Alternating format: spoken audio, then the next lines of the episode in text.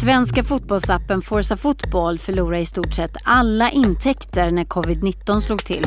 Hör grundaren Patrik Arnesson. Han tror att han har hittat en lösning. Dessutom Tom Chong från podden Digitala Draken. Han berättar vad vi kan lära oss av Kina, hur retailkrisen tacklades där.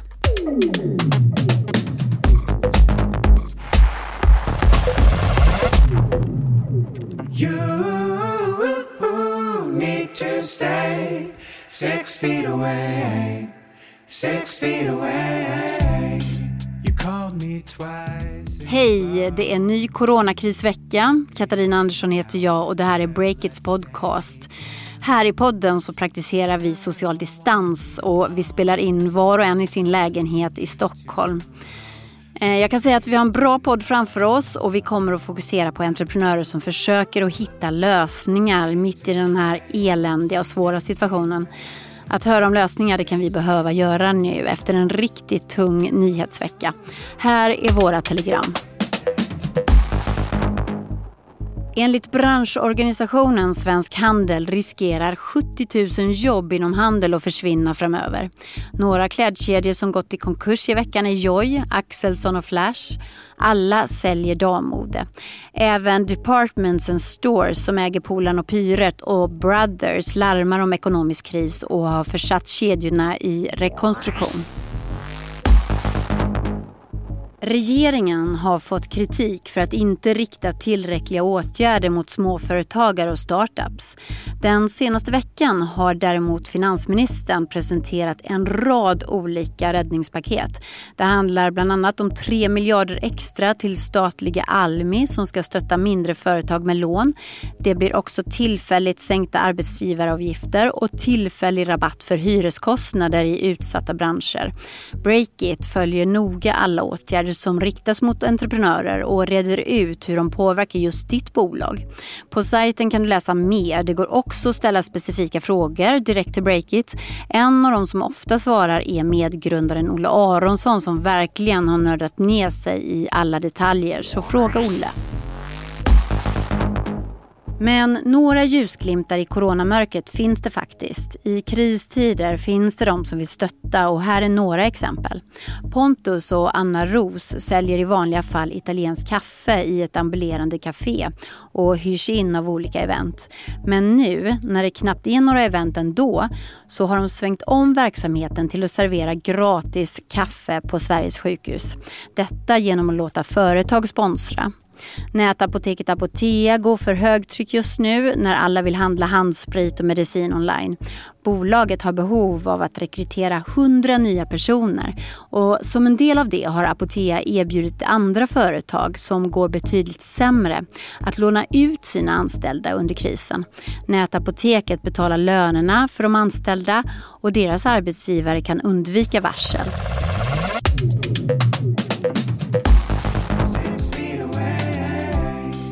Snart så hör du Tom Tjong från podden Digitala Draken. Han tror att Sveriges entreprenörer kan lära sig något från hur retailbranschen i Kina hanterade coronakrisen.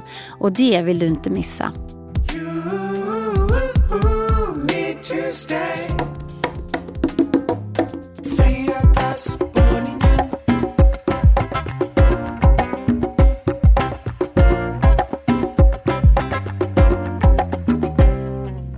Många som driver små bolag här i Sverige har drabbats hårt av coronakrisen. Och med jämna mellanrum här i podden så kommer vi framöver att prata med entreprenörer som de senaste veckorna har vaknat upp till en helt ny verklighet och tvingats tänka om helt och hållet. Hallå Karro!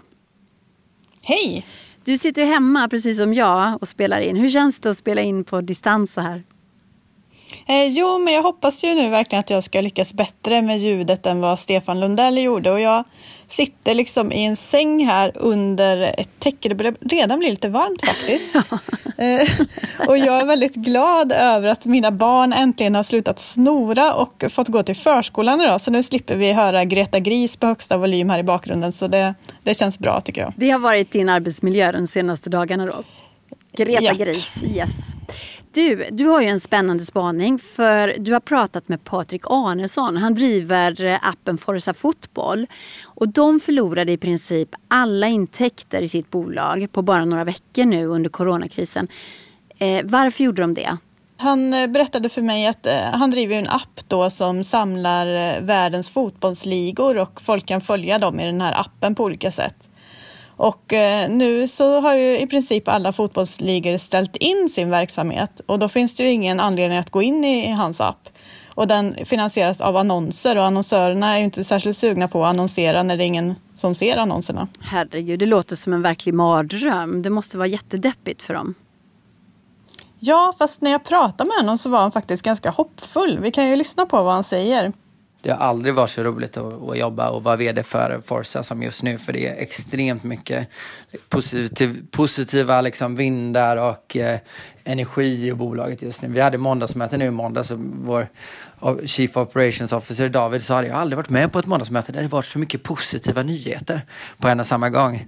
Och då har vi som sagt tappat 99 procent av våra användare och 99 procent av våra intäkter. Okej, det här kan ju låta lite motsägelsefullt då. Varför är han så glad? Ja, alltså det kan man verkligen fråga sig och Patrik Arnesson han är verkligen en sån här typisk entreprenör. Du har säkert träffat en sån. Eh, det har i alla fall jag ganska många gånger. Eh, de är otroligt glada och positiva de här entreprenörerna har så mycket energi att det känns nästan lite sjukt. Man blir matt av att prata med dem. Mm. Han driver alltså en app där man kan följa världens fotbollsligor och de har två miljoner användare och de finansieras av annonser. Men nu så ställs alltså alla fotbollsligor in och annonsörerna vill inte vara med längre och, och så försvinner intäkterna. Ja men precis. Och hade jag haft ett bolag som hade tappat 99 procent av intäkterna då hade jag kanske blivit lite deppig eller handlingsförlamad. Men Patrik Arnesson verkar istället se det här som en spännande utmaning. Nej men det finns ju ingen anledning att sitta och vara ledsen. Är, om jag sitter och är grinig eh, eller är ledsen så kommer det ju absolut inte förbättra situationen. Okej, så vad gjorde han nu då? Jo, men han bestämde sig för att ställa om hela sin affärsmodell och skapa en ny produkt. Vi satte ihop tre stycken produktteam och så gav vi dem lite olika förutsättningar och det var att ett, Eh, ni ska utveckla produkter som driver till subscriptions, vilket blir vår nya affärsmodell. Alltså månadsintäkter i, uh, i appen. Eh, två, ni ska ju bygga en feature, alltså en funktion som inte är beroende av att det spelas fotbollsmatcher. För vi måste utgå från att det inte kommer spelas fotbollsmatcher på ett år i varje fall. Och tre, det ni bygger får inte ta längre än uh, två veckor att släppa i appen. Det var förutsättningarna. Eh, och sen därefter så fick eh, de här produktteamen sätta sig i, i varsin hangout i och med att alla jobbade hemifrån och spåna på olika idéer. Spännande. Har de kommit på några idéer då? Ja, men tanken är ju då att de ska ställa om hela affärsmodellen och istället för att leva på annonser som de gör nu så vill de skapa en prenumerationstjänst. Och nästa vecka ska de lansera tre nya idéer och då är det dels en nyhetstjänst och dels en livestreamad fotbollsquiz där man kan svara på frågor under en viss tid varje dag. Eh, och frågan handlar såklart om fotboll då. Och sen så är det ett spel där fansen ska tävla mot varann i fotbollskunskap, så typ eh, Hammarby-fans mot AIK-fans ska tävla mot varann. Häftigt, det låter som lite som På spåret för fotboll. Men är de räddade i och med detta nu då? Nej, det är ju verkligen inte säkert och eh, även den här väldigt positiva Patrik Arnesson var tydlig med det. Jag kan säga att jag har absolut ingen aning om idéerna. Och det är också hela strategin då. Det var därför vi satte en begränsning på två veckor. Så vi går efter den så kallade Paul Graham-principen här som innebär att vi har inte en aning om vilka idéer som kommer funka och inte funka. Så vi försöker skapa så många som möjligt eh, för att öka chansen att något av dem funkar. Mm, och han har ju också ganska bråttom med det här för att eh, han sa till mig att eh, pengarna i bolaget kommer vara slut redan till sommaren om ingenting händer. Och han har ju verkligen ställt om snabbt då. Men vad har han lärt sig hittills? Om, om han sa något sånt? Eh, jo, men han, det frågade jag såklart om och han sa till mig att han, eh, det han har lärt sig är vilken otrolig kreativitet man kan få ut i ett bolag i kristider. För han menar på då att de anställda jobbar extra hårt just nu. Det här är ju allt du vill. Det här är ju det du strävar efter som, som vd för ett bolag. Du vill att folk ska jobba pragmatiskt, vara snabba, vara effektiva, vara produktiva, ta beslut, jobba som om det vore liksom deras egna bolag. Det är ju precis det som sker nu, så det är därför det är kul också. Har han något råd till andra företag i samma situation? Jo, men det har han ju absolut. Och då pratar han om liksom att man, man måste göra något för det första och sen ska man inte göra samma sak som man har gjort tidigare för det funkar inte. Utan man måste göra något helt nytt. Uh, gör något. gör, inte det ni, gör inte det ni har gjort hela tiden för det kommer uppenbarligen inte funka. Utan man måste tänka nytt. Det här var bara ett exempel, men, men varför är det så intressant tycker du? Jo, men det är just det här med att i kristider så brukar kreativa idéer skapas och väldigt många kända bolag som finns idag har faktiskt eh, kommit till just under en kris.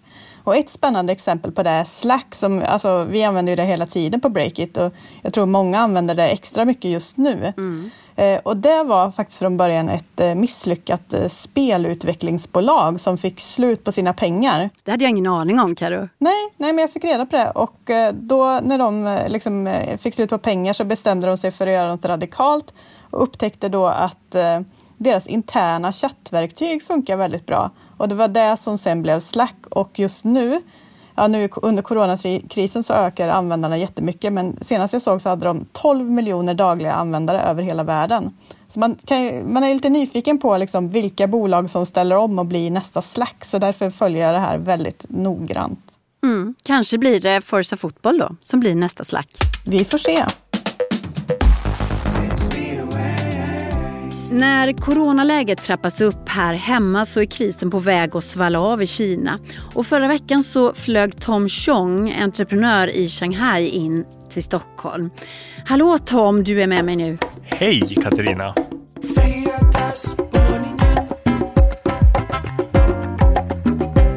Du, varför kommer du till Sverige just nu? Det verkar ju faktiskt lite dumt att flyga dit smittan finns. Ja, jo, så här i efterhand kan man ju faktiskt tycka det. Men jag var ju, det var ju planerat att komma hit för att vi skulle göra klart ett avsnitt av Den digitala draken och en massa möten. Så. Men jag är ändå glad att jag är på plats. Men du, det som är spännande här är ju att eh, du kommer precis från Kina och Kina ligger minst ett par månader före Sverige i den här berömda kurvan som Anders Tegnell pratar om varje dag. Mm. Och nu så ska vi lämna det här tragiska med att fler och fler blir sjuka här i Sverige, pressen och oron för sjukvården och zooma in på ekonomin och det nya näringslivet. För det är ju faktiskt det som den här podden brukar handla om i normala fall då. Och då tänkte jag Tom, du som har perspektivet från Kina och Shanghai då där du bor.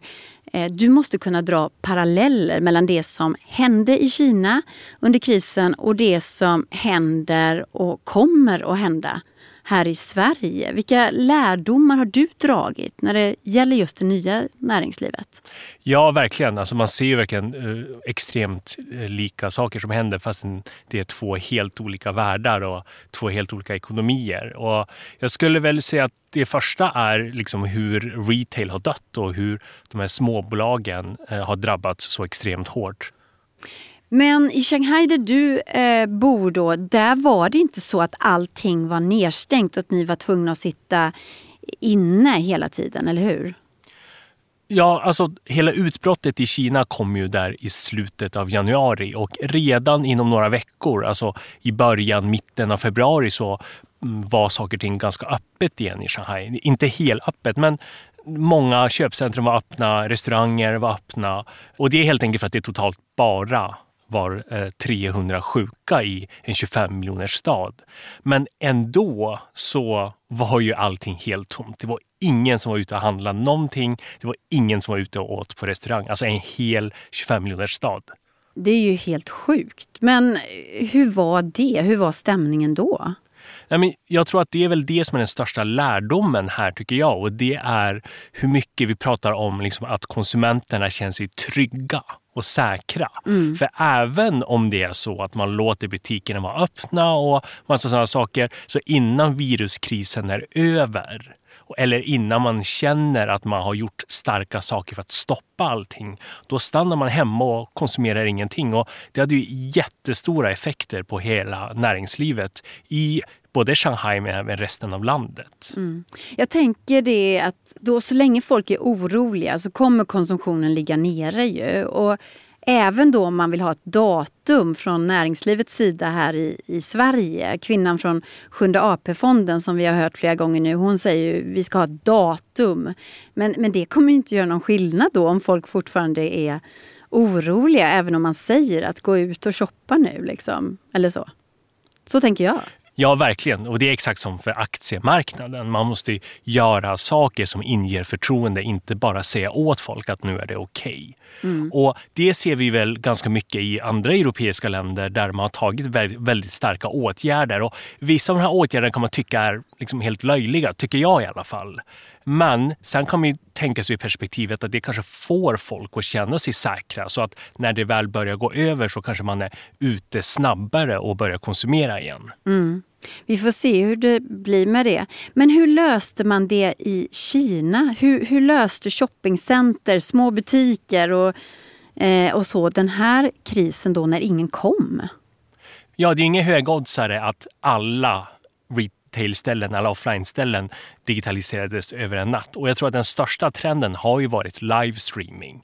Det vill säga helt plötsligt börjar butiker livesända och erbjuda sina produkter eh, direkt till försäljning och därför via e-handel. Helt plötsligt börjar till och med nattklubbar livesända och istället för liksom fysiska konserter så livesänder man det istället. Så att allting flyttades upp på nätet och det funkade perfekt ihop med en period då också alla satt hemma och jobbade. För det var ingen arbetsplats som sa att man skulle till kontoret. Mm. Så att folk var ju hemma och hade tråkigt och bara liksom kolla på massa livestreaming hela tiden och shoppade som galningar. När du berättar om det här med att butikerna började livesända, hur exakt menar du då? Hur gick det till? Det var en ganska fascinerande sak som hände tycker jag och det är ju att en massa butiker öppnade där i början av februari och sen så insåg butikspersonalen ganska snabbt att det var helt tomt. Och jag menar, folk är inte dumma så att de sitter ju där och jobbar och inser att oj, det här kommer inte gå bra. Jag får ingen provision och snart kommer de säkert stänga ner den här butiken för ingen kommer och jag förlorar jobbet. Så på något sätt, på något organiskt sätt så började en massa människor liksom dra ihop WeChat-grupper med sina före detta kunder som har varit i butiken förut, livesända från butiken och testa nya plagg och liksom på det sättet sälja från fysisk retail. Så det här initiativet kom underifrån, alltså från dem på golvet, bakom kassan? Ja, exakt. Det var ju mindre strategi och mer bara exekvering. Nu gör vi det här. Mm. Men tror du att det är någonting som vi kommer se i Sverige också? Att människor tar egna initiativ som, som jobbar nere på golven, som kan liksom businessen väldigt bra där. Tror du att det kommer födas här också? Jag tror absolut att det kommer hända och det här handlar om egentligen digitaliseringen av hela samhället med även många bolag som kanske är lite väl offline-tunga. Och de som kommer nog ta tag i det här är ju kanske oftast de lite mer juniora eller de lite yngre anställda. Det är oftast så det brukar vara hos många av de här storbolagen. Så där tror jag verkligen att det kommer hända någonting. Sen exakt vad som sker är osäkert men, men vi har redan börjat se att just livestreaming har börjat öka väldigt mycket även här i väst. Ja. Du, eh, kan inte du bara beskriva det här med live-shopping som har varit ett stort fenomen i vissa grupper i Kina länge men som inte mm. riktigt mm. har slagit igenom här än. Vad är live-shopping? Ja, liveshopping är en helt fantastisk upplevelse tycker jag. För det är någon väldigt genuin framför rutan som egentligen bara spelar in med en smartphone där de pratar om olika produkter. Till exempel Li Jiaqi, läppstiftskungen i Kina. Han är superkänd, eh, näst störst i Kina, tjänade över 200 miljoner förra året, alltså personlig lön. Läppstiftskungen? Ja, exakt. Eh, Före detta makeupartist sitter framför rutan några timmar per dag och testar olika smink men även kläder, snacks, projektorer, allt möjligt och bara sitter där och pratar om de här produkterna som man direkt säljer i rutan. Lite som tv-shop fast modernt. Mm. Och han fanns alltså innan och blev stört stor under krisen då? Han var faktiskt redan stor innan men nu under krisen har han blivit väldigt, väldigt mycket mer populär faktiskt. Mm. Men det här ser vi ju i Sverige också just nu. Både Bambooser har ju börjat med liveshopping och eh, Bianca Ingrosso gör det också. Tror du att den här vågen av liveshopping som inte riktigt hann hit liksom före krisen. Tror du att den kommer få ett rejält uppsving nu? Ja, eh, vi är faktiskt lite involverade just med Bambooser och när vi såg det för första gången för bara liksom lite mindre ett halvår sedan tror jag, att de började göra det här i Sverige blev jag i alla fall jätteexalterad för att man har sett den här trenden vara en miljardbusiness i Kina. Alltså, det står ju för 9 procent av hela e-handelsomsättningen i Kina. Mm. Och det är väldigt tydligt att det, här, det nya beteendet, eh, det är lite det nya TikTok-beteendet som både funkar i Kina men även funkar i väst. Och Det är egentligen bara ett mer socialt och avslappnat sätt att shoppa. Det är liksom shopping som underhållning på något sätt. Ja. Och Det tror jag verkligen kommer explodera nu under de här tiderna. Okej, okay, så om man då är en e-handlare som vill börja med den här typen av live-shopping. Vad är det man ska tänka på Tom? Vad är det som är viktigt? Måste man vara en sån här riktig kändis för att få till det och, och en riktig extrovert person som den här läppstiftskungen? Nej, egentligen inte. Alltså, en förutfattad mening är ju att man måste vara influencer för att göra det. Men det jag tycker Bianca gjorde väldigt bra handlar kanske inte nödvändigtvis om att hon är superkänd redan, utan det är bara sättet hon är. Att hon är riktigt genuin i rutan. Mm. För det största misstaget stora varumärken gör med det här är att man vill ha liksom väldigt kontrollerade former. Det ska vara så kallat on-brand. Och det ska vara superproduktion och då blir det lätt fake. Medan det Bianca gör bra är att hon sitter i vardagsrummet och livestreamar och pratar om sitt smink. Ja. Och kanske till och med dricker ett glas vin medan hon gör det. Och det är någonting äkta med det då. Ja. Ja, häftigt. Och, och säg att man skulle livestreama inifrån en butik som är tom då. Vad är det som är framgångsreceptet där, så att säga? Vad är det som gör det bra? Det är en annan sorts livestreaming för då handlar det om att du kanske gör det för att engagera ett fåtal människor. De som brukar komma till din butik eller de som känner dig eller du vet, de som bor i närheten. Och det behövs inte så himla många människor för att det ska bli ganska hög omsättning. Och där handlar det oftast om att man kanske går runt i butiken, visar vilka plagg som är inne just nu. Alltså inne i lager menar jag då. Mm. Eh, testa olika storlekar, visa upp lite olika färger. Sånt som man hade normalt gjort i en butik själv om man hade orkat gå ut. Mm.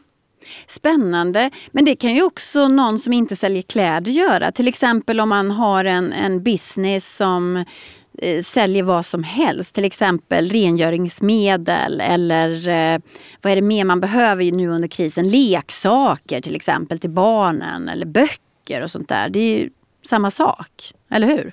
Ja, absolut. Det här funkar ju egentligen för det mesta. Det funkar för alla fysiska produkter där man är van att liksom klämma och känna och titta på den. Eh, för det är ju det på något sätt, den här äktheten i liveshopping-konceptet gör att du tror på informationen på ett helt annat sätt. Det vill säga, när man ska köpa någon ny device, vare sig det är hemelektronik eller en leksak, så vill man ju kolla på den ur alla olika vinklar och fatta vad den är bra för och liksom se hur stor den är i relation till ens hand och så vidare. och Så vidare. Så allt det där funkar ju så länge det är liksom fysiska produkter. Mm. Tack Tom, jättespännande. Du har fungerat som en inspiratör här kan man säga. Och du och Jakob Lovén jobbar ju med en annan podd, Den digitala draken. Den handlar om Kinas techscen. Och just nu så har vi suttit och satt ihop ett program om just coronakrisen. Jag är ju med på ett hörn också och hjälper till. Och det nya avsnittet släpps nu i dagarna. Och där pratar du och Jakob mycket mer om vad krisen har betytt för det digitala näringslivet i Kina och vilka lärdomar vi kan dra då här i Sverige. Så lyssna på den. Men du Tom, innan vi slutar så skulle jag vilja mm. spela en eh, låt för dig. En smörig soul-låt som rullar i många amerikanska poddar som jag har hört just nu. Det är en uppmaning att hålla distansen till folk. Social distancing alltså. Och på något sätt så känns det bättre att få den uppmaningen på det här sättet genom en soul-låt, inte från allvarliga myndighetspersoner.